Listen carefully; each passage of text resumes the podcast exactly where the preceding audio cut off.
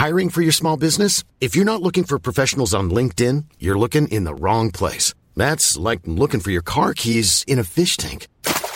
LinkedIn helps you hire professionals you can't find anywhere else, even those who aren't actively searching for a new job but might be open to the perfect role. In a given month, over 70% of LinkedIn users don't even visit other leading job sites. So start looking in the right place. With LinkedIn, you can hire professionals like a professional. Post your free job on linkedin.com slash people today. Hey, it's Paige DeSorbo from Giggly Squad. High quality fashion without the price tag. Say hello to Quince. I'm snagging high-end essentials like cozy cashmere sweaters, sleek leather jackets, fine jewelry, and so much more. With Quince being 50 to 80% less than similar brands. And they partner with factories that prioritize safe, ethical, and responsible manufacturing. I love that. Luxury quality within reach. Go to quince.com slash style to get free shipping and 365-day returns on your next order. quince.com slash style. Hey there, it's Michelle Norris. I'm host of a podcast called Your Mama's Kitchen. When I travel, I'm usually looking for a way to find a taste of home when I'm not at home. And one of the things I love to do when I am at home is entertain. And Airbnb allows me to do that. When I was in California recently, I rented a house that had a great kitchen. And when we were sitting around the table, we're all thinking, we're in someone else's house. Someone could be in all of our homes as well. If you have a home, but you're not always at home, you have an Airbnb. Your home might be worth more than you think. Find out how much at airbnb.com/slash host. Er du klar for pod, Øystein? Jeg er veldig glad for pod, og her i Scootspodden så er vi jo, vi er jo alltid på jakt etter gode bilhistorier. Ja. Og så er det jo sånn at eh, når gode bilhistorier eh, også henges på veldig gode biler, Ja. og fortalt av gode folk, Ja. så blir det jo trippelt interessant. ja, veldig spennende. Og så er vi jo på eh, gamle stier for meg òg. Vi er jo ute på Nattholmen. Nattholmen, nå er vi virkelig i ditt nærmiljø, for her har vi vært ute og gravd etter fantastiske bilhistorier. Så denne episoden gleder vi oss til. Det blir bra. Vi kjører pod. Du lytter nå til Scootspodden, en norsk podkast om klassisk bil med Jon Roar og Øystein.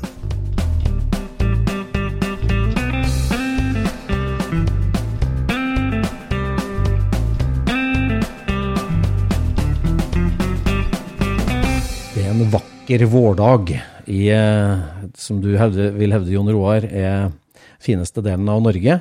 Vi har eh, nøsta oss utover fantastiske Svaberg, kommet ut ei altfor smal bru som tar oss over til Nattholmen. Og her har du tatt imot oss i ditt fantastiske hjem. Arne From, takk for det. Ja, dere er velkommen. Det setter vi stor pris på. For vi starta et prosjekt for lenge siden med å jakte på ja, de gode bilhistoriene, og, og spesielt de, de, linka til en del av de aller mest sjeldne bilene som har vært i Norge. Og i historien om én av en håndfull Mercedes 540 K, vi snakker om kompressormata, gedigne Mercedeser før, før krigen, de her hadde vært bare noen ytterst få av i Norge. Og en av dem eh, driver vi og forteller hele historien til, og der har du et viktig bidrag gjennom din store, lange bilinteresse. Så det er veldig hyggelig at vi kan komme hit med utstyret vårt og ta opp en episode med deg, Arne. Ja, For du var tidlig ute, du, med, med bilhobby. jeg var interessert, men jeg gikk jo på skole og hadde ikke så mye penger den gangen, sånn at eh, eh, vi leite etter billige biler, da, kan du si. Med det formålet å skulle bruke dem. Ja, det var, det var begge deler. Begge deler. Ja, for når var det du fylte 18 og var russ, da? Hvilket år snakker vi da? Det var i eh, 66. 66. Så da det er klart at da jakt, altså Alle 18-åringer vil jo ha egen bil, og sånn, men det, det at det allerede da var et snev av liksom yes, de sjeldne, gamle, spesielle bilene, det var jo ikke så vanlig det for en 18-åring da. Nei, det var ikke det. Men der hadde vi jo en del kamerater da, som var eldre enn oss, som dro oss med. Ja. Og, og fikk oss interessert. Og vi fikk gjerne låne en, en eh, Fiat 510 fra 26, kan du si, og kjørte en tur til Skien med den. Ja. Eh, og vi lånte en Lars eh, 28 Ja. eh, av en kamerat, og kjørte løp med. Gjorde du det? Ja. For det her var jo veldig billige biler da. Det var eh, Vi prøvde jo å få tak i billige biler, kan du si. Fordi, men det sto biler rundt på, på hoggerier. Det var hoggerier nesten på hvert hjørne, kan du si, hvor det sto fire-fem biler. Og, Ja. og um, de, de havna jo der av en eller annen grunn, og det var at den hadde krasja en forskjerm, eller at det var eh, kløtsjen var gåen, og vedkommende ville ikke koste på, så blei bilene plassert på der. Og jeg har et eksempel der. Min bror han kjøpte en Horch i, Oi. til russebil. Og så eh, han, eh, han eh, fikk ikke registrert den, da, og det var noe feil med den, da. Og det var en V8-er fra 38 som eh, kom fra Lardal.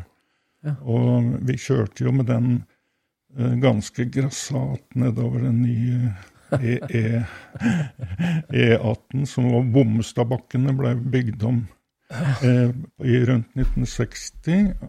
Og da var det veldig god fart når den kjørte nedover der. Vi, vi kom opp i 140, husker jeg. Og, og da begynte forstillinga å skjelve, sånn at vi måtte, måtte bremse ned.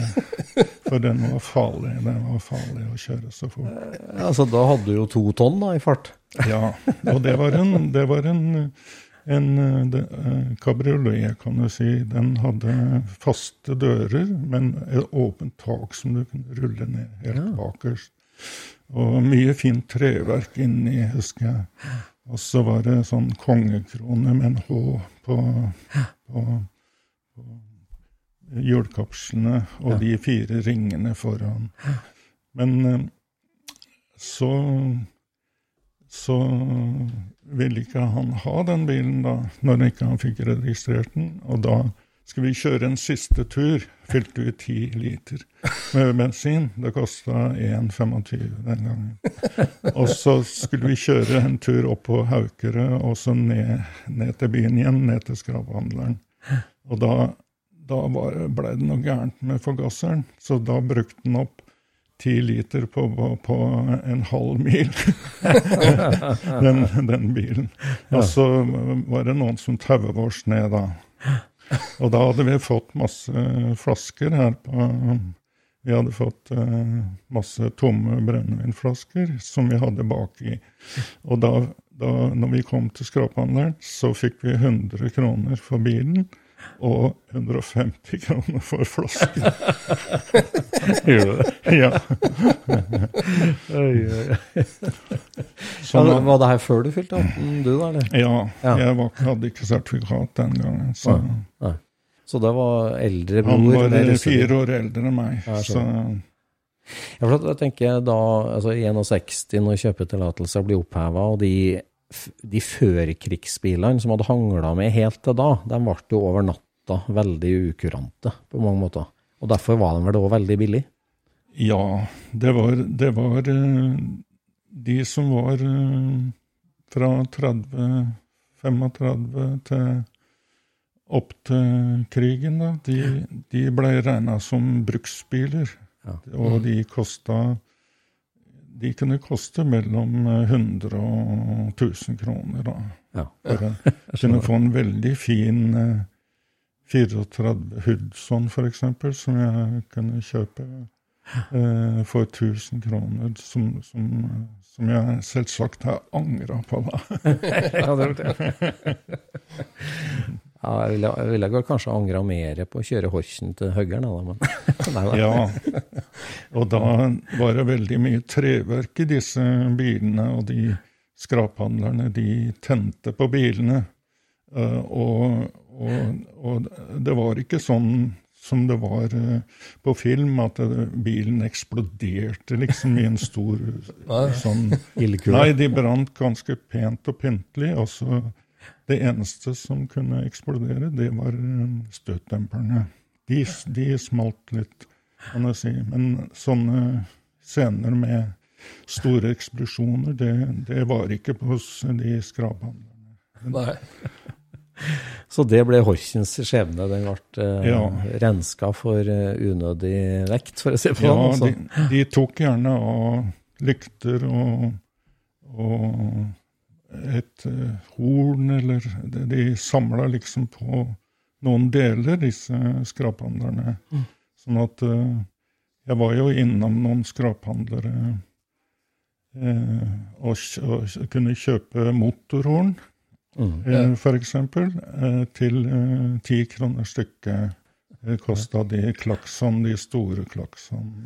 Altså, det, var ikke, det var ikke bilopphoggere, det var Nei. skraphandlere som skulle ha metallet. Det var skraphandlere. De, de, de, de kunne hogge båter, og de kunne holde, hogge biler også. Nede ved sjøen var det, hogde de både båter og biler, kan man si. Om å gjøre å få tak i metallet og selge Ja. Og de, når jeg kjøpte, kjøpte de til ti kroner, så eh, gikk jeg til kameraten min da, Birger Jan Nilsen. Ja. Eh, og han hadde en Cadillac da, som han hadde bytta til seg. Og da 27 måneder. Og da eh, Her har hun Han mangla horn. Mm. Ti kroner, vær så god. Og da du, eh, Jeg solgte delene til akkurat samme som jeg hadde gitt for. Og det var, det var ganske vanlig mellom kamerater den gangen på tidlig 70-tallet at vi, hvis den hadde fått tak i en del som du hadde bruk for, så, så tok du ikke liksom dobbeltpris når du solgte det videre. Nei, nei. Nei, nei. For Birger Jan er jo en kamerat du hadde, har, som, som var mannen som seinere kjøpte seg 540K, da. Og endte opp, men det, det starta jo ikke helt der for radarparet Birger og Arne. Eh, Nei. da, når du da var 18, hva ble liksom første bil? Ja, da, da var eh, Birger var i militæret, og jeg fant, fant en bil som var til salgs. Det var en Buick eh, 27-modell. Eh, eh, femseter åpen. Mm Eh, eh, en standard Buick het den. Eh, 27. Og, og jeg kjøpte den og fikk eh, den starta, og jeg har kjørt den hjem. Det var oppe i Koddal, eller Kvelde. Kvelde. Jeg kjøpte den, og så fikk jeg kjørt den hjem på natta, da, for det var dårlig lys. Sånn at, Ja, helt naturlig. sånn at ja, jeg måtte passe på at ikke politiet kom og tok den. Og så, da- hvordan, hvordan, så kjøpte jo, hvordan, hvordan fant du den da? Var det en annonse? Nei, den var, eh, det var en som ville selge den. En i Larvik. Altså, han het eh, Ivar Halden. Og han hadde også en, en, eh, en Overland Vippet, eh, toseter Overland Vippet 27, som jeg hadde sett når jeg bodde i Larvik eh, før jeg Mens jeg gikk på folkeskolen, så så jeg den Overland Vippeten til Ivar Halden.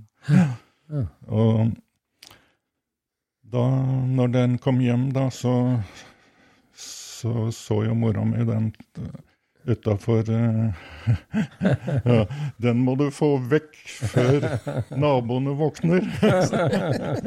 den så ikke så veldig pen ut da, og jeg, jeg syntes den var fin. Men eh, da måtte jeg stå opp tidlig på morgenen og kjøre den bort til Birger, da. Og Og der. der, fikk jeg Faren eh, var jo hjemme, og jeg satt den i garasjen der.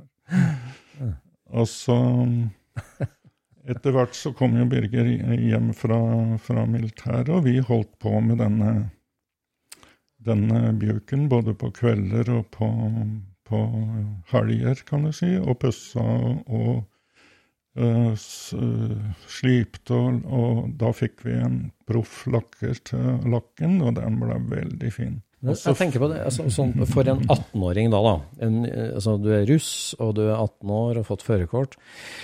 Altså det, det i hele tatt da å ønske seg en så gammel bil fremfor en nyere bil, og det å gå opp og liksom og pusse opp bil, det er jo ikke, det er ikke helt en naturlig fritidsinteresse. Og jeg tenker, nå vet vi godt hva en bilsamler og bilhobby er, men i, i Sandefjord i 1966-67 så var det her mer forbruksmateriell, vil jeg tro. Altså, du var litt uvanlig når du begynner å restaurere bil da, som 18-åring? Nei, eller? Nei. Den, var, den, var, den var gammel nok til å bli regna som veteran den gangen. Ja. Sånn at de prisene de hadde, gikk oppover, kan du si, Ja, på, på de som var eldre.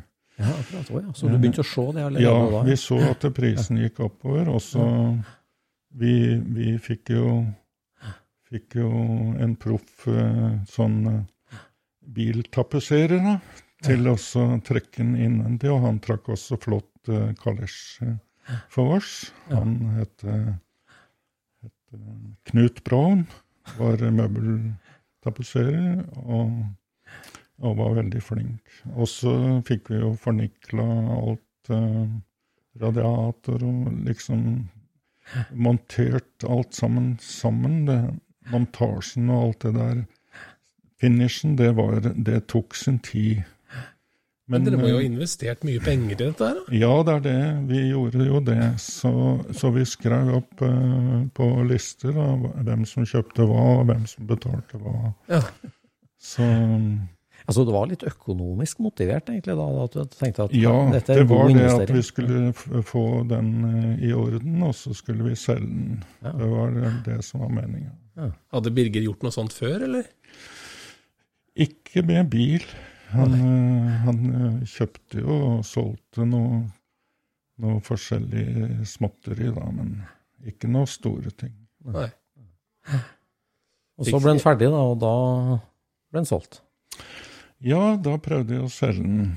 Eh, og da var det Sørensen og Balken var interessert. De hadde en samling. De hadde Chevrolet, og de hadde en, en veldig fin Cadillac, en grå, grå Cadillac fra 28. Eh, en femseter Cadillac. Eh, Ja. eh, som, som også Birger hadde, hadde lyst til Også senere, da, så hadde Birger lyst til å bytte en annen bil med den Cadillacen, men det ville ikke Sørensen og Balken. Men de, de, vi solgte den, og da fikk vi fem, og vi fikk eh, 20 000 kroner. Av, Ja. av, og det var det samme som en, eh, en Opel Kadett kostet eh, i Splitter ny bil. Ja. Så da var I dere to, 69, tenker jeg det var. så 69. to gutter på 19-20 år. Ja, da vi med Da var vi da var på Majorstua, vet du, og da var vi raske inn i banken. Ja, for tenk på det i dag. altså Hvis det, en 18-19-åring skulle ha i lomma tilsvarende nybil, eh, Ja, penger det, ja. det, Dere var høy på livet da. Men tjente dere penger, da? Ja, vi tjente noen penger, og vi var raske med å ta- ta ut pengene i banken, og dro opp til Sparre Ransby, hadde et lite verksted på oppsida av Oslo. Og der, eh, der eh, hadde en kamerat av meg eh, hadde vært der før, hos Sparre Ransby. Han hadde jo en lokomobil, en stor svart bil, og en, en fra 26, og en han hadde en Republikk lastebil, eh, og, og, og var veldig kjent i miljøet som, som mekaniker, kan du si. Var veldig flink mekaniker. Men, men miljøet, sier du. altså Norsk veteranklubb starta allerede på 50-tallet, og det, det hadde utvikla seg ganske hett bilsamlermiljø i Oslo, og omegn i hvert fall på det på slutten av 60-tallet. Hadde Ja. dere noe kontakt med det miljøet, liksom? Ja, vi hadde jo det. Vi hadde jo kontakt med, med flere, flere i det miljøet. Ja. Det var jo Per Bakke var jo Ja. fra Kongsberg. Han hadde jo Lincoln, eh, 30-modell Lincoln. Eh, Og, og han kjøpte jo stadig noen biler, eh, og, og hadde, hadde forskjellige biler.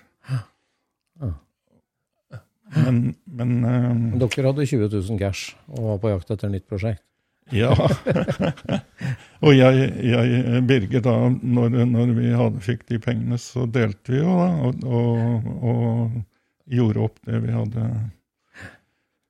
Og så Da hadde Birger lyst til å kjøpe en ny bil, da. Og da var det en, fra, en flyver fra Drammen som kom ned til Sandefjord med en Jaguar XK 120. Okay. En, to, en sånn uh, tosetter med sånn uh, Roadster, liksom. Sånn ned, nedsenka dører. Det var ikke dører, men det var bare nedsenka en sånn vuls liksom rundt. Den var grønn, og vi prøvde den utover Hestadveien. og den skulle koste 8000 kroner den gangen. Eh, og Birger hadde penger til å kjøpe den da.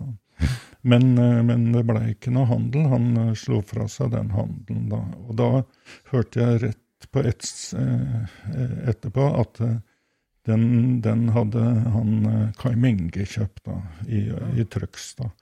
Han, han kjøpte jo stadig noen biler. Og når, når, jeg, når jeg kjøpte min, min Buick, da, den 26-modellen, så var jeg jo oppe i, i Indre Østfold, og, og Einar Lund kjørte eh, hjalp meg med en gammel Bedford. da. Vi hadde den bilen opp på lasteplanen og kom til, til Kai Minge. Så kom kona Kai Minge er ikke hjemme, sa kona. Men dere kan bare sette den på rampa. Nei, vi, nei, vi, vi, skal, ikke, Skal ikke vi skal ikke selge den til Karm Inge, vi. Vi skal bare hjem med den. Men hun var så vant til at han kjøpte biler, og folk Ja. kom med biler til han. han eh, Ja, Kai Minge bygde jo en av Norges største bilsamlinger, og det er det Ja. han nærmest fortsatt. Han, han døde jo her ved nyttår. Og, eh, men da var han allerede aktiv, ja, helt her i Sandefjord, og kjøpte opp biler.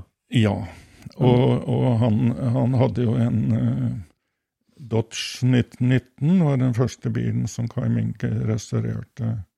Og det sto flere biler der ute i, i et sånn eh, sånn uh, åpent overbygg, liksom, sånn carport, en lang carport med plass til mange biler. Der sto det en Lincoln uh, Zephyr og en uh, Packard 25-modell, som vi for øvrig kunne Han solgte jo også biler, kan du si. Den kunne vi kjøpt for 25 000, men så mye penger hadde jo ikke vi. Sånn at han kjøpte jo stadig og, og, og solgte og, og, kanskje tjente litt penger på det. Men det var før han, eh, før han begynte å selge de traktorene som, eh, som han eh, gjorde, gjorde eh, skikkelig business på. Da. Så han fikk råd til å bygge opp samlingen sin. Mm. Men når det da ikke ble, ble eh, Jaguar på kompisgjengen her i Sandefjord, hva, hva brukte dere pengene på? da? Nei, da jeg eh, studerte jo på, for å bli ingeniør på, i Sarpsborg. Og da var jeg, var jeg så dum at jeg brukte pengene på de studiene. Sikkert lønte seg greit, det òg. I stedet for å ta opp studielån. Men så Birger, han og jeg, vi, vi dro Var jo langs E18, så inne ved Sande, på høyre side, der var det en eh, gammel gård hvor det var en campingplass. Og der utenfor der, der sto det en, en eh, fin bil, men det mangla motor og, og panser og alt sammen. Men det var en Hispana Susa. Oi, oi. Og ja, og det var en, den motoren var en sekssylindra rekkemotor med overliggende kamaksler. Og masse instrumenter, husker jeg. Det var uh, veldig masse instrumenter, så jeg, jeg tipper det var turteller og litt av hvert. Men i hvert fall så, så fikk vi greie på hvem som eide den bilen. Og, det var en kar i, i Drammen, inne i en bygård der. Bodde i en leilighet og hadde Han hadde også en Mercedes eh, eh, fra førkrigs-Mercedes eh, 230 lukka bil som sto i, i garasjen i, i gården der. Altså, han, Men- han var en veteranbilinteressert Nei, nei, det var Nei. Han, eh, han eh, var mer bruksbil, og han, han var ikke noen veteranbilmann. Nei. Men i hvert fall så fikk uh, Birger fikk uh, kjøpt denne uh, Hispanoen, og den, den eh, motoren sto inne på Stobberud da, på den gården. Og, og Så den var demontert? Det var demontert, for det var noe med den ene sylinderen. Det var aluminiumblokke og aluminiumbånd, Ja. kan du si. Så vi, vi løfta jo den store motoren. Eh, eh, jeg og Birger greide å bære den, løfte den motoren, for det var Men det var foringer som var eh, av stål, som var inni aluminiumsblokka, kan du si, som eh, stemplene gikk i, da. Hvilken årsmodell Hispano Suiza var? Nei, det viste seg at det var en, kanskje en 27-modell som var bygd om. eh, Og det ble sagt at det var en som heter Sautoschik, som hadde bygd den. Karosseriet. Ja. Og, men den var, var liksom trekket med, med noe seilduk på utsiden. Eh, og, og det var en, en eh, impresario som het eh, Didriksson, som hadde eid den. En nordmann, altså? En nordmann, ja. En impresario, det er vel en som arrangerer noen sånne musikkgreier eller noen Ja, ja, ja. sånne show og sånn. Ja. Så han var før. Men, men den sto ute der, altså? Den sto ute i flere år, og vi, vi hadde kikka på den. Men til slutt så kjøpte jo Birger den og tok den med, med og- hjem. Og den hadde den flotte storken på radiatoren. Og, og da satte Birger den sammen, liksom, de delene. Han, vi, vi tok og, og, og satte den opp på låven som Einar Lund lån, hadde en låve som vi kalte Nilsen-låven. Der eh, var det fylt opp med forskjellige biler. Ja, for Einar Lund er jo en annen venn da, som Ja, også det- var en stor samler. Det var en storsamler, og, og han kjøpte og solgte i he hele livet, kan du si. Så Og er jo kjent for den der utrolige Lancia-kappen sin. Eller nei, Lancia Lambda. ja. Lambda. unnskyld. Mm. Ja, altså. Nei, men så satte han den der, og da, da kjente jo vi Kai Minge. Og da fikk han Birger Kai Minge til å komme, og, og han ville bytte til seg en Cadillac 27-modell. Mot den Eh, Hispano Mot den Hispano Suizaen. Og det ville også Kai Minge. For uh, den Hispanoen var jo en, en veldig dyr bil.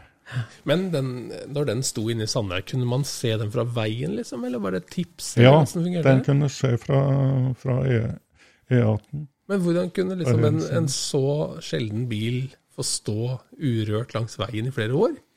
Nei, det var sånn med forskjellige skogsvrak og sånn. De kunne stå i mange år, og så til slutt så fant noen ut at det, at det her vi, vi, vi tar den med inn i låven istedenfor at den står på utsida av låven. Ja, ja. Liksom.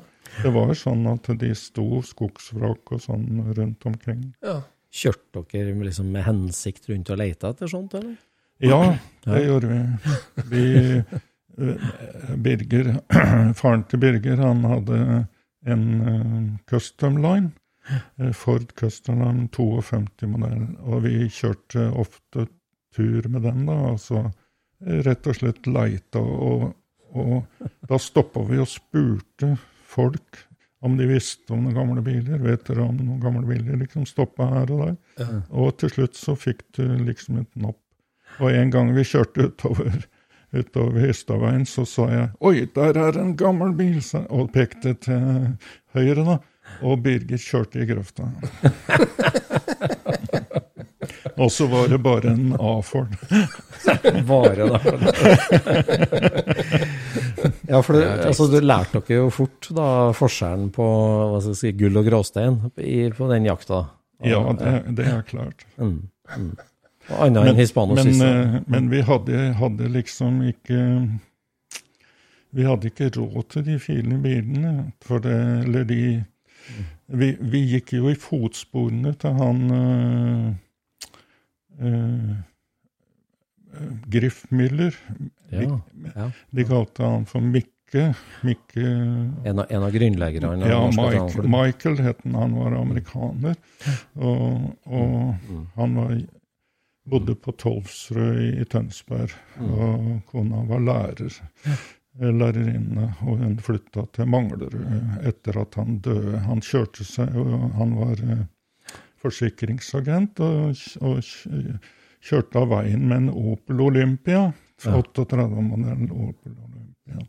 Kjørte han av veien og døde. Også da gikk vi jo i fotsporene hans, kan du si. Og, og det sto jo biler på låver da, som han hadde eide.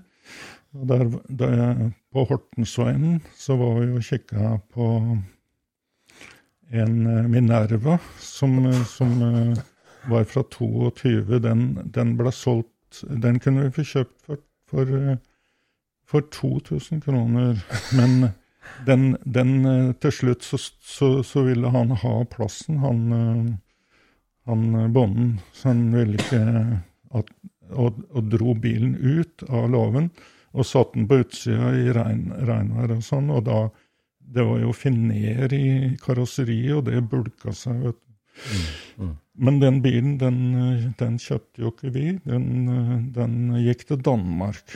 Til han eh, Raben Levassaux på Ålholm slott. Han kjøpte den.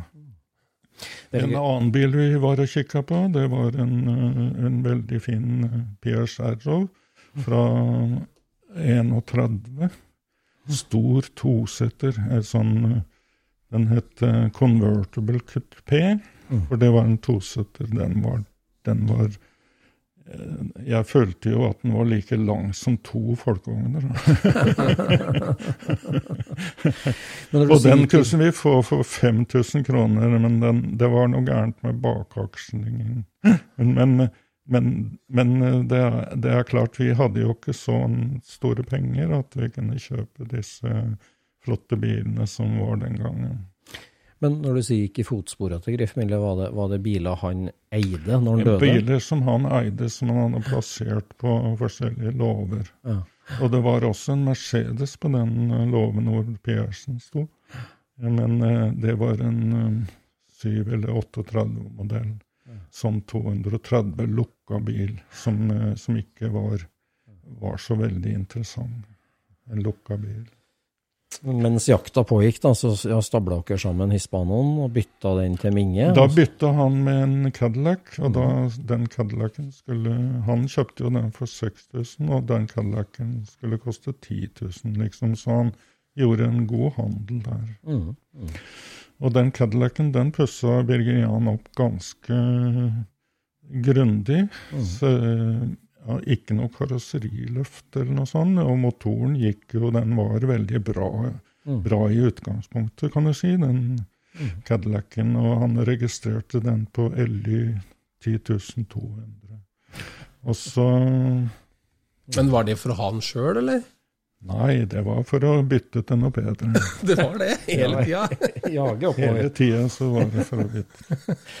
Hvor gikk ferden da, da? for å trade Jo, da gikk ferden nedover i, i Sverige. Da var det en Alf Johansson i Lagan, som mm. han var eh, oversettere. Han var eh, Han bodde i Moskva, egentlig, mm. og jobba der som oversetter. Mm.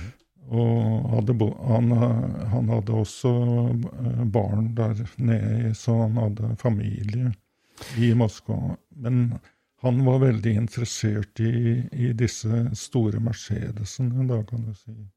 Ja, for det, Han er jo omtalt i en bok eh, som jeg har ja, om, om, store sven, biler som har vært i Sverige. For ja. han, han, tok jo hjem en del gedigne Mercedeser, han. Ja, det stemmer. det mm. stemmer. Mm. Han hadde også en 770 K, ja. men uh, den, den, hadde den hadde den hadde de satt inn en Studebaker-motor på. Okay. Okay. Uh, men han fikk den også ut litt senere ja. av Russland. Men i, de ble plukka helt fra hverandre i deler, og så fikk han ut delene. Da. Ja, For han samla i Russland, han?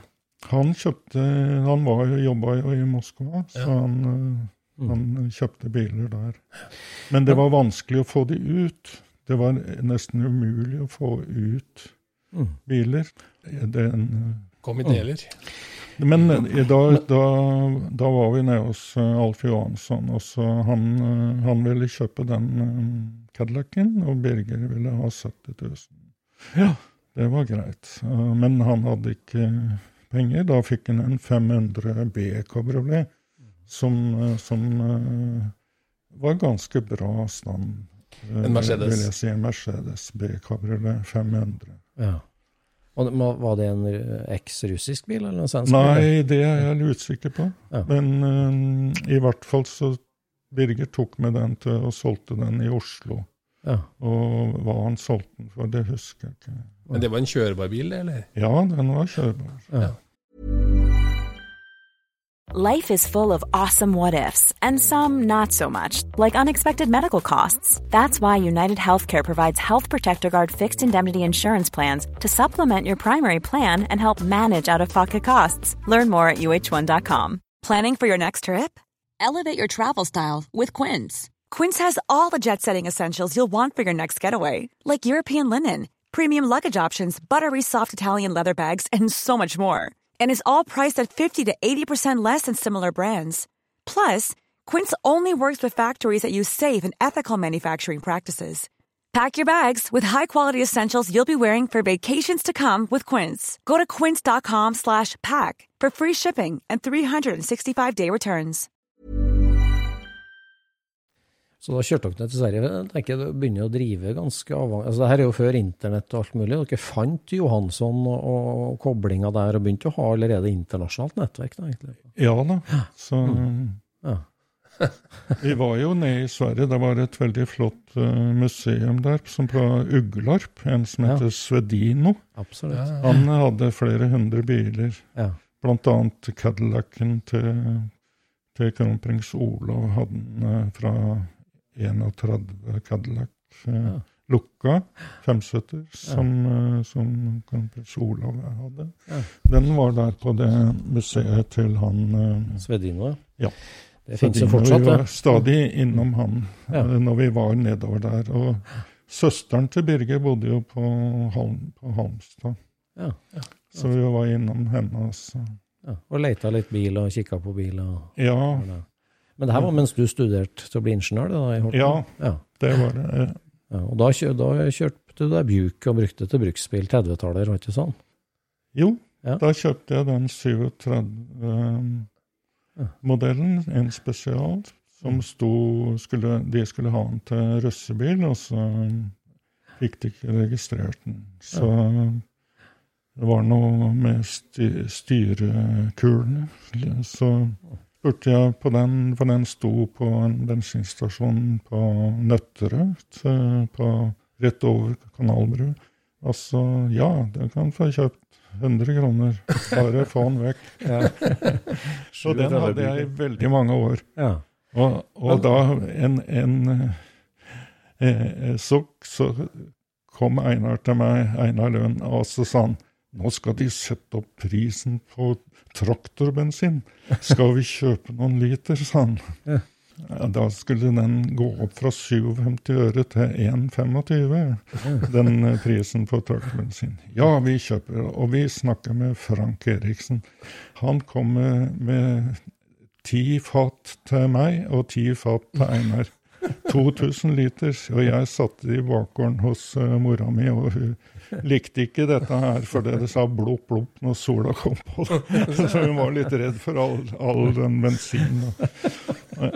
Og Einar, han, han satt, kjørte jo en lastebil som han transporterte noe opp til Trondheim. Da satte han et fat oppå lasteplanen, og så hadde han hevert som han bare fylte på etter hvert som det ble tomt. Og jeg brukte den traktorbensinen på den, den uh, bjørken Ja.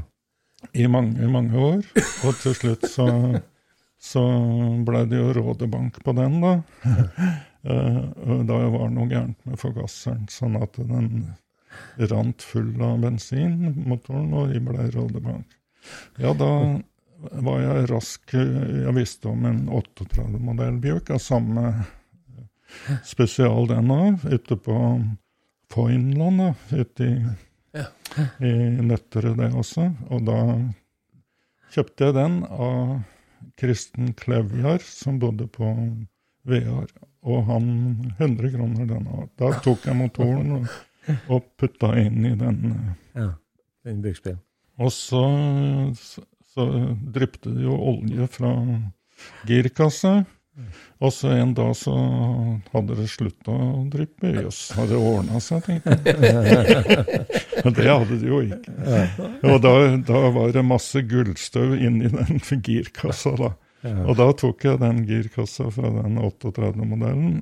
Nei, da passa ikke festene. Det passa ikke. Men alle delene inni, de passa. Så jeg bytta om huset eh, fra den 38 til den 37. Ja. Og da var den girkassa i orden igjen. Men oppover 70-tallet, da, da, som ung ingeniør og ung ingeniørstudent, hvordan ble du sett på da når du kjørte rundt 37 Bjørk? Var det helt greit? Ja, det var helt greit. Det var god plass i baksetet der, og kunne ha en fest der hvis en hadde lyst til det. Ja. Men eh, din venn Birger, da, da, da han solgte eh, Mercedes Cabrioleten til Oslo og hadde enda mer penger, og gikk ferden videre? Ja. da, for da Nei, da Han traff jo ei jente i, i Polen, da, som han gifta seg med. Og da fikk han jo forbindelser til, til Polen. Jeg reiste ned der Men- og traff ei jente, liksom, eller? Eh, nei, det husker jeg ikke helt åssen det var, men det var eh, For er Det det var slutt. gjennom noen kjente, tror jeg. Det var gjennom noen kjente. Men, men det kan Birger fortelle mer om eh, selv, eh, Ja. tror jeg. For, for nå er vi midt på 70-tallet, da, omtrent. Og han Ja. får seg polsk kjæreste og utvider Ja. jaktmarkene fra Ja, ikke bare da, Vestfold. ja, og da, da måtte han bygge hus, og da Ikke Mercedes-penga der? Ja. Og da, men da dro han og, og Alf Johansson De dro ned i Polen for å lete etter sånne Mercedes-biler. Og de var langt innover i Polen. eh, og på veien nedover der så hørte de om en, en sånn Mercedes som sto på et bilverksted da. Og så eh, var de nede, og de fant ikke noen biler der hvor de var, og da reiste de tilbake igjen, og da innom den. Eh, og han, han var en lærer på yrkesskolen, så den, der sto den Mercedes eh, 540, da. Det var egentlig en 500 som de hadde underveis i bygginga, når den ble bygd, så ble den eh, satt inn en større motor. Eh, og da ble den 540 K. Det er jo en av verdens råeste Ja. Og det var en kabriolet, en spesialkabriolet. Ja, Mm. det er jo kabriolet. Det betyr jo at det Hvis du har en, en, en roadster fra 1930, så er det ikke glass i dørene. Da er det ikke kabriolet, da er det kalesje. Og hvis det er, er eh, kabriolet, så er det glass i dørene.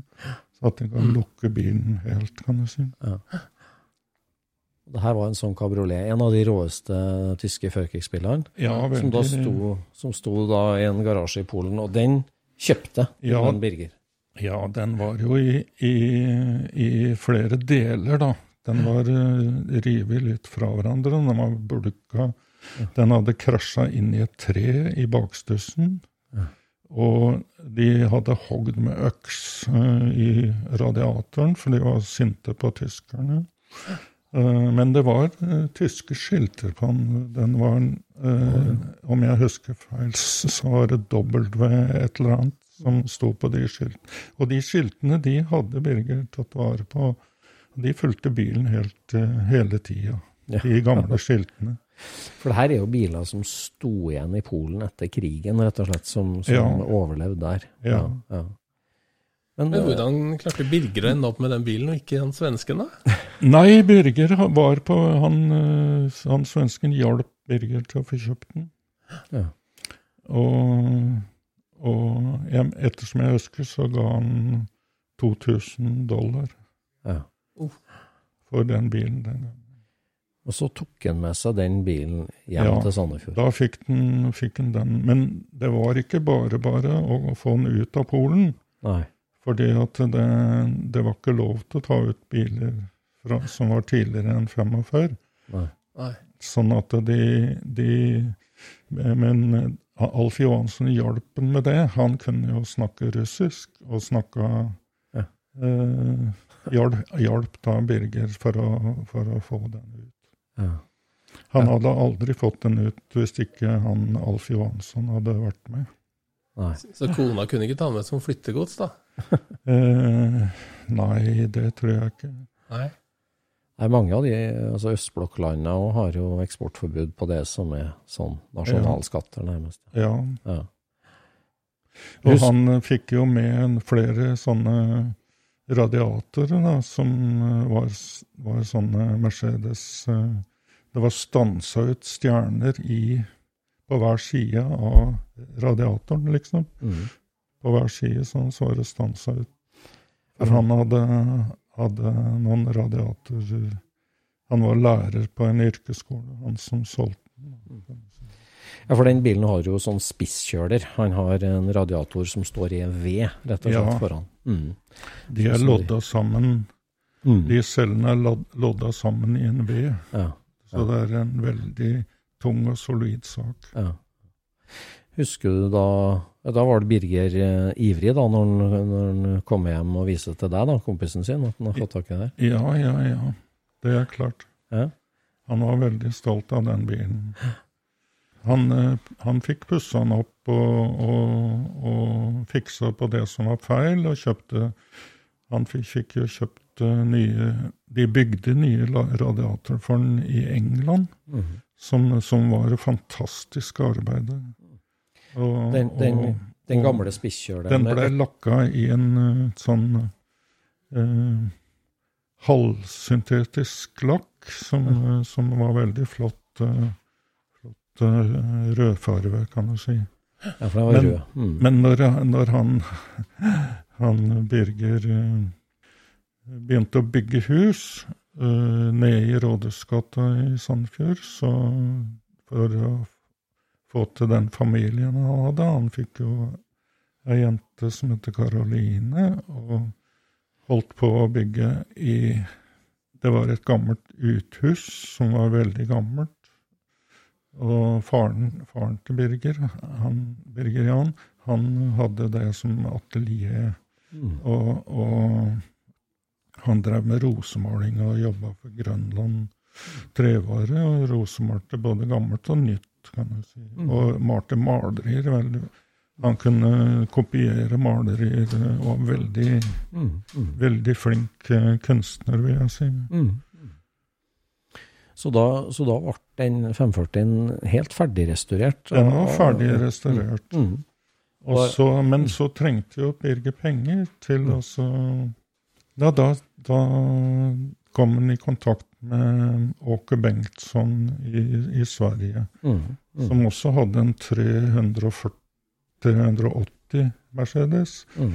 Eh, Og, og da, da lånte han penger av han, og med, med sikkerhet i den 540. For å finansiere husbygginga? Ja, for Ja. å finansiere den husbygginga. Ja. Og så da, vet du, den, den husbygginga, den trengte stadig nye penger, og til slutt så solgte han hele bilen til uh, han Åke Bengtsson. ja, akkurat. Så da reiste han over til Sverige igjen?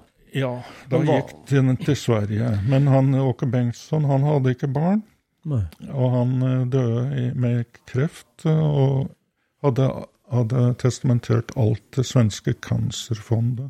Ja. Og da dro de til Stuttgart med bilene, de Cancerfondet, og da ble de solgt på auksjon.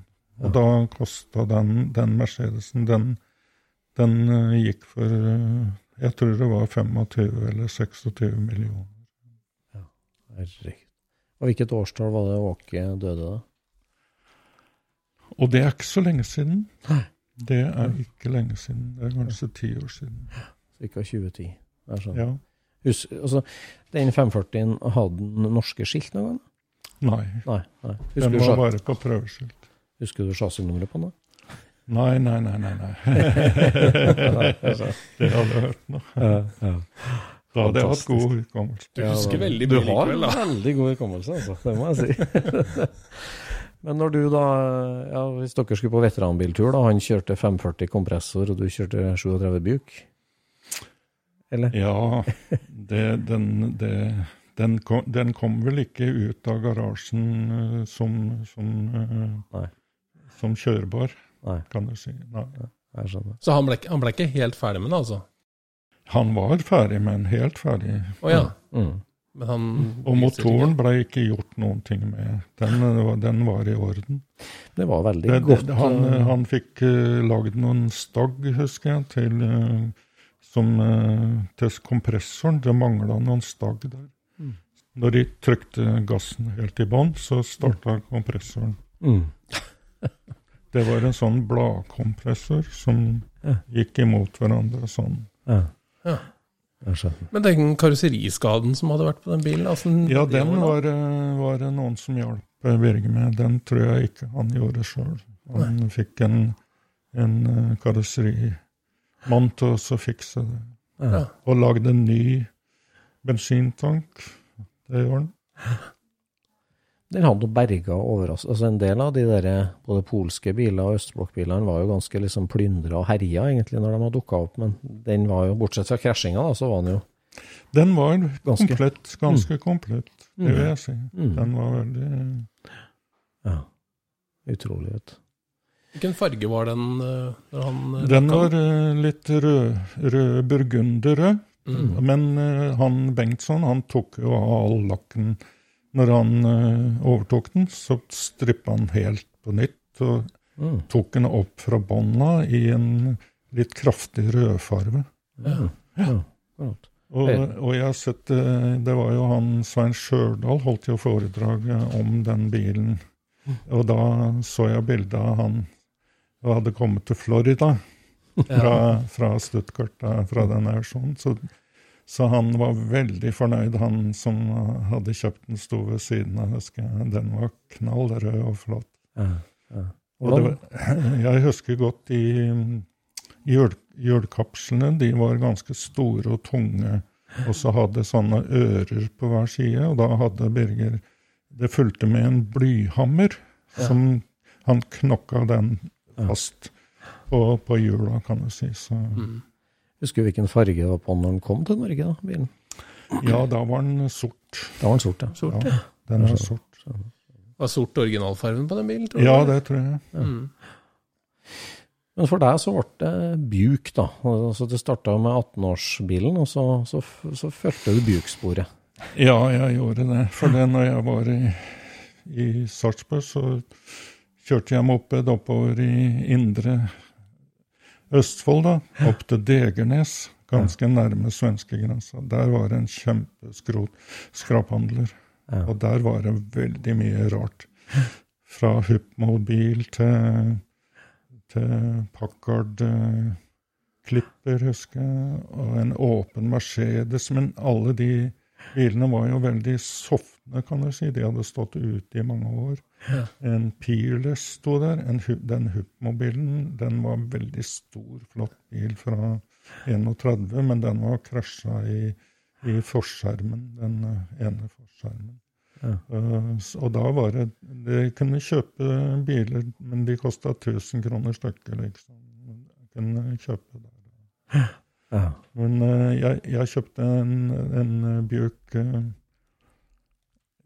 26-modell, som var en Master eh, 2645, het den serien. Det var Fra et høggeri eller fra en skraphandel? fra det- ne- på nedsida av den store skroten, så var det en liten skrot. Fordi jeg likte den modellen til Bjuk, da, fordi vi hadde jo pussa opp den til. Sørensen og Volken. Ja. Ja. Så kjøpte jeg en sånn, ja.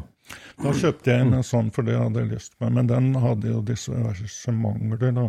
Mm. Så det mangla jo hjul og felger, da. Ikke hjula var det, hjula var det men felgene mangla. Mm. Den var begynt å hogge, liksom, så den Mm. Det var litt uh, mangler på den bjørken. Men jeg tok og fikk uh, Alf, Alf Nilsen i Kragerø. Han var jo egentlig fra Raufoss. Han, eh, han eh, tipsa meg på en bil i Drangedal. Og Einar Lund og jeg vi dro opp der og, og kjøpte en, en eh, syvseterbjuk. Oi. Ja. Eh, 27-modell, som var samme, omtrent samme delene. Så da Gammel skyssbil. Ja, en gammel eh, drosjebil. Eller, med, det var klappseter inn, husker jeg. Men den hadde jo også stått ute i ti år, og taket var falt ned, og det var helt, helt lealøst alt som var. Så vi bandt sammen med, med ståltråd, og så fikk vi starta den når vi fylte bensin og starta, men det var jo ikke noe eksosanlegg. Det, gikk rett ut av manifolden, det, så det var flammer ut av manifolden når vi kjørte det. Og da kjørte vi den hjem på natta fra Drangedal. Så bil, biltralle eller biltransporthenger, det var ikke så mye bruk.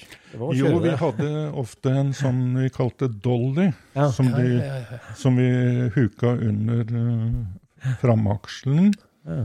uh, og, og, og dro bilene. En sånn smal hjulgang, det er I en det? smal hjulgang som, ja. som uh, Einar Lund hadde. Ja. Jeg var jo med mange ganger når han kjøpte biler her og der, og jeg måtte sitte i, i baki eh, Og noen ganger så, så eh, var ikke bånd- bon, i, i bilen, og, og Einar han var kjent for å kjøre ganske rått. Så, og gjennom Drammen en gang med, med vannspruten sto like mye inni som utover bilen. Hvorfor skulle du sitte inni der, da? Jeg styrte den bilen, da, da tauet vi i den. Slapp av. Da hadde vi bare et tau, kan jeg si. Men han eh, kjørte jo så fort, vet du. Eh, Risikosport. ja, Ja. han dro hjem mye ja, og endte opp eh, ja, med, det, med den Lanciaen. Ja. Men hva, ble det restaurert ferdig, da, den buken? Eller? Nei, da begynte jo jeg eh, en sommerferie, så begynte jeg å restaurere og holdt på veldig hardt. Eh, Jeg holdt vel på i 14 dager med en, en sandblåser som vi hadde, og, og fikk gjort veldig mye. Men så blei det jo familie, og det blei bygging av hus, og, og, og jeg holdt jo på med bygging hele livet, holdt jeg på å si. Så- Ja, for du ble byggeingeniør? ja, Ja. så jeg var jo byggeingeniør. og så Mm. jobba og, og bygde på fritida på mine egne hus. Da. Mm. Sånn at det ble ikke så mye tid til disse bilene. Nei. Men så var det en bilbjørk jeg hadde sett som Lars Andor Trollsås hadde kjøpt oppe i Høyår. Ja. Eh, og han eh, Den jeg jo fra ungdommen at den var ganske fin, syns jeg. Og så blei den til salgs. Nei, da ble jeg sjuk. Jeg blei dårlig. Jeg måtte ha den bilen. Og så, og så da reiste jo vi oppover, kona og jeg, og, og jeg hadde, hadde den forventningen, liksom. Det var, det var rene feberen, vet du, for å få kjøpt denne bilen. Altså, da kjøpte jeg den 23-modell eh, 45. ja. Eh, Men da, da var ikke den så bra som det jeg trodde. Nei. Det var en, bil, en lukka bil som var bygd om til en åpen bil som var bygd om til lukka bil Ja. av o Ola Ford i, i Gravdal. Ola Abrahamsen het han. De kalte han for Ola Ford, for han hadde et lite verksted i Gravdal. Og så Du kjøpte den altså, selv om den ikke var helt Ja, sånn? du ja, da kjøpte jeg den, men så blei jo ikke det noe av heller, for jeg holdt jo bare på med bygging, og den ble stående. Mm. Og så da solgte jeg den til han Tok den med på Lekeberg. Ja. Ekeberg, og da dro jeg den inn eh, på en sånn trallebilhenger, og så ville selge den der. Nei, da kom det en og sa ja, jeg vil kjøpe den. Du, her får du håndpenger. Fikk jeg 1000 kroner i håndpenger. Du skal få resten eh, i, om 14 dager, liksom. Da kom jeg Da kom jeg aldri igjen. Altså, neste år så var jeg inne på Ekeberg igjen, og da var det Reidar Kompen Ja. i Oslo, som var en veldig hyggelig fyr. Han eh, hadde jobba i Vegvesenet. Han kjøpte den. Han kjøpte den og begynte å restaurere, og fikk den ferdig. Ja. Da, da kjørte jeg den over til Østfold til han. Jeg tok den med over uh, Horten-Moss og kjørte den inn til, eh, til Østfold. For han hadde noen slektninger der. Ja. Akkurat. Og da Og da, da ble jeg kvitt den. Men du har jo en nydelig buk stående i garasjen her nå, du. Ja, det er en, eh, det er en, eh, en drømmebjørk, kan du si, som er en 31 som heter 95. Mhm. Og det er en, eh, en roadster. Mhm. Den heter Ja. En så stor eh, roadster, den kommer ikke fra Drangedal. Den må komme fra Nei, den kommer fra, fra USA, fra Oregon. Mm. Og, og det, det rare var jo da at eh, jeg kjøpte jo en eh, 32 Bjørk som hadde vært eh, direksjonsbil for eh, Vestfold Kraftselskap. Eh, kjøpte jeg borte på Vear av Kristen Klevjar, som var bilhandler. Han hadde solgte masse biler, kan du si. Så sto det en bil hos han der, ikke så langt fra golfbanen der. Og så Den fikk jeg kjøpt for 700 kroner. Og så gikk det jo kanskje seks-syv år. Eh, Så kom det noen hollendere, Mm. Og de het Heinhus, husker jeg. Ja. Og, og de, de ville kjøpe denne bilen, men den, den var jo også veldig Hadde stått ute lenge, var, eh, men det var en flott, eh, flott bil, kan du si. Som, så, så da fikk jeg De bød meg 4000 kroner, da. Og da solgte jeg den til de. ja. Og selvsagt så har jeg jo angra på det, da. Jeg hadde vel ikke hatt den bilen nå allikevel. Men da var det en, en av de Heinhus som Einar Lund hadde vært i kontakt med. Han hadde visste om denne bjørken borte i Oregon. ja. Og så da Jan Andersen fikk kjøpt den bilen i Sandefjord.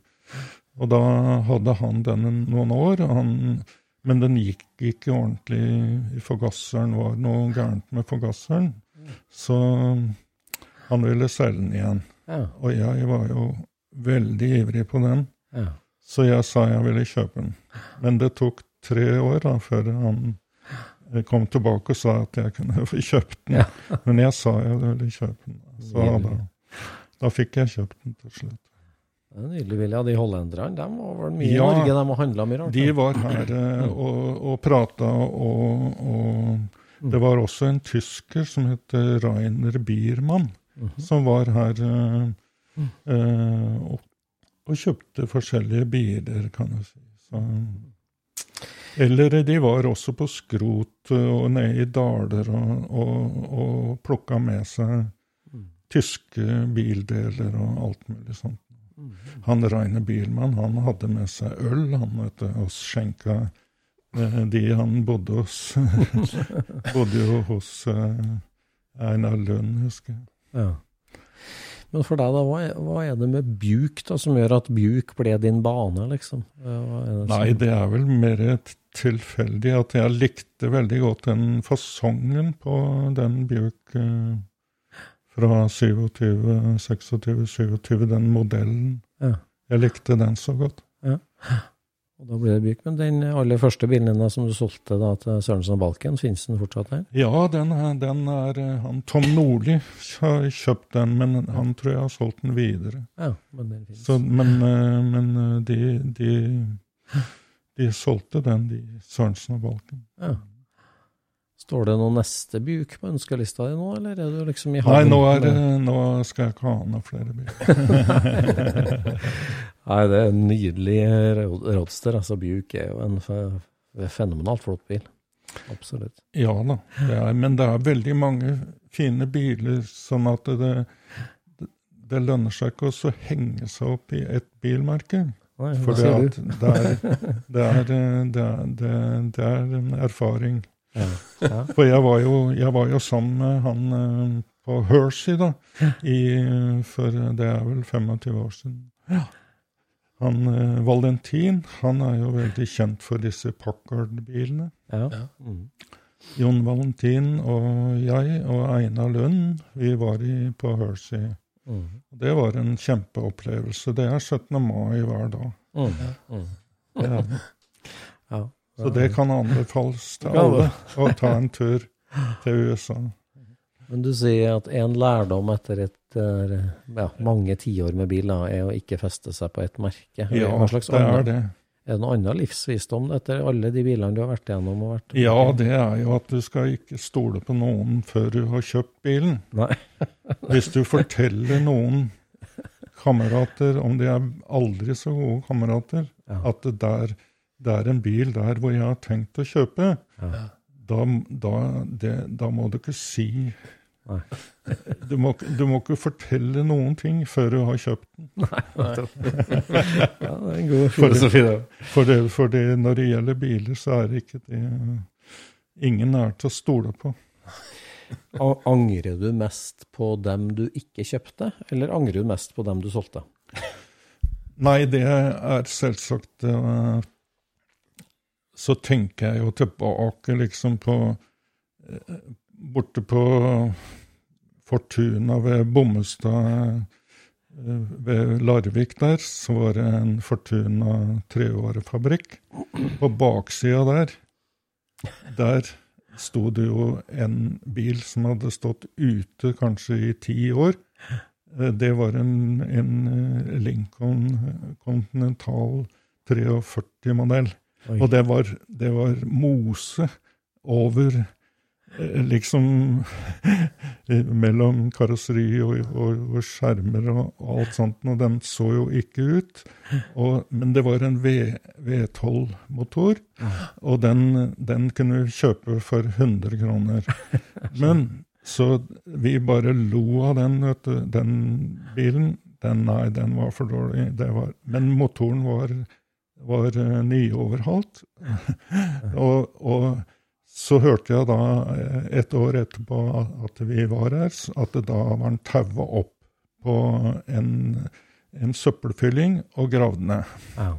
Ja. Og det var en bil som jeg nå, kan du si, godt kunne tenkt meg også at jeg burde tatt vare på. Ja. Men sånn ble det ikke. Sånn er det. Så det gårdsplassen full av traktorbensin. Ja, ja til slutt så, så solgte jeg jo den uh, Bjøken som jeg ga 100 kroner for. Den fikk jeg 1500 for. Den hadde stiget i verdi. Og så uh, Da kjøpte jeg en Volvo PV, som jeg brukte også traktorbensin på. Men den gikk ikke så bra som den åttesylinderen. Den hadde bare fire sylindere. Sånn er det, vet du. Nei, det her var veldig hyggelig, Arne. Tusen takk for at du eh, slapp oss inn i ditt vakre hjem her på den holmen. Og takk for praten. Veldig hyggelig. Veldig hyggelig. Ja, takk for det. Takk for i dag. Scootspoden produseres av SSE Media, med god hjelp av VV Norge og Trond Dahl for hosting, Knut Micaelsen for musikk. Abonner på Scootspod via podcaster eller Acast, og følg Scootspod på Instagram og se det vi snakker om. Der kan du også komme med kommentarer og innspill, og fortelle oss hva du vil høre om.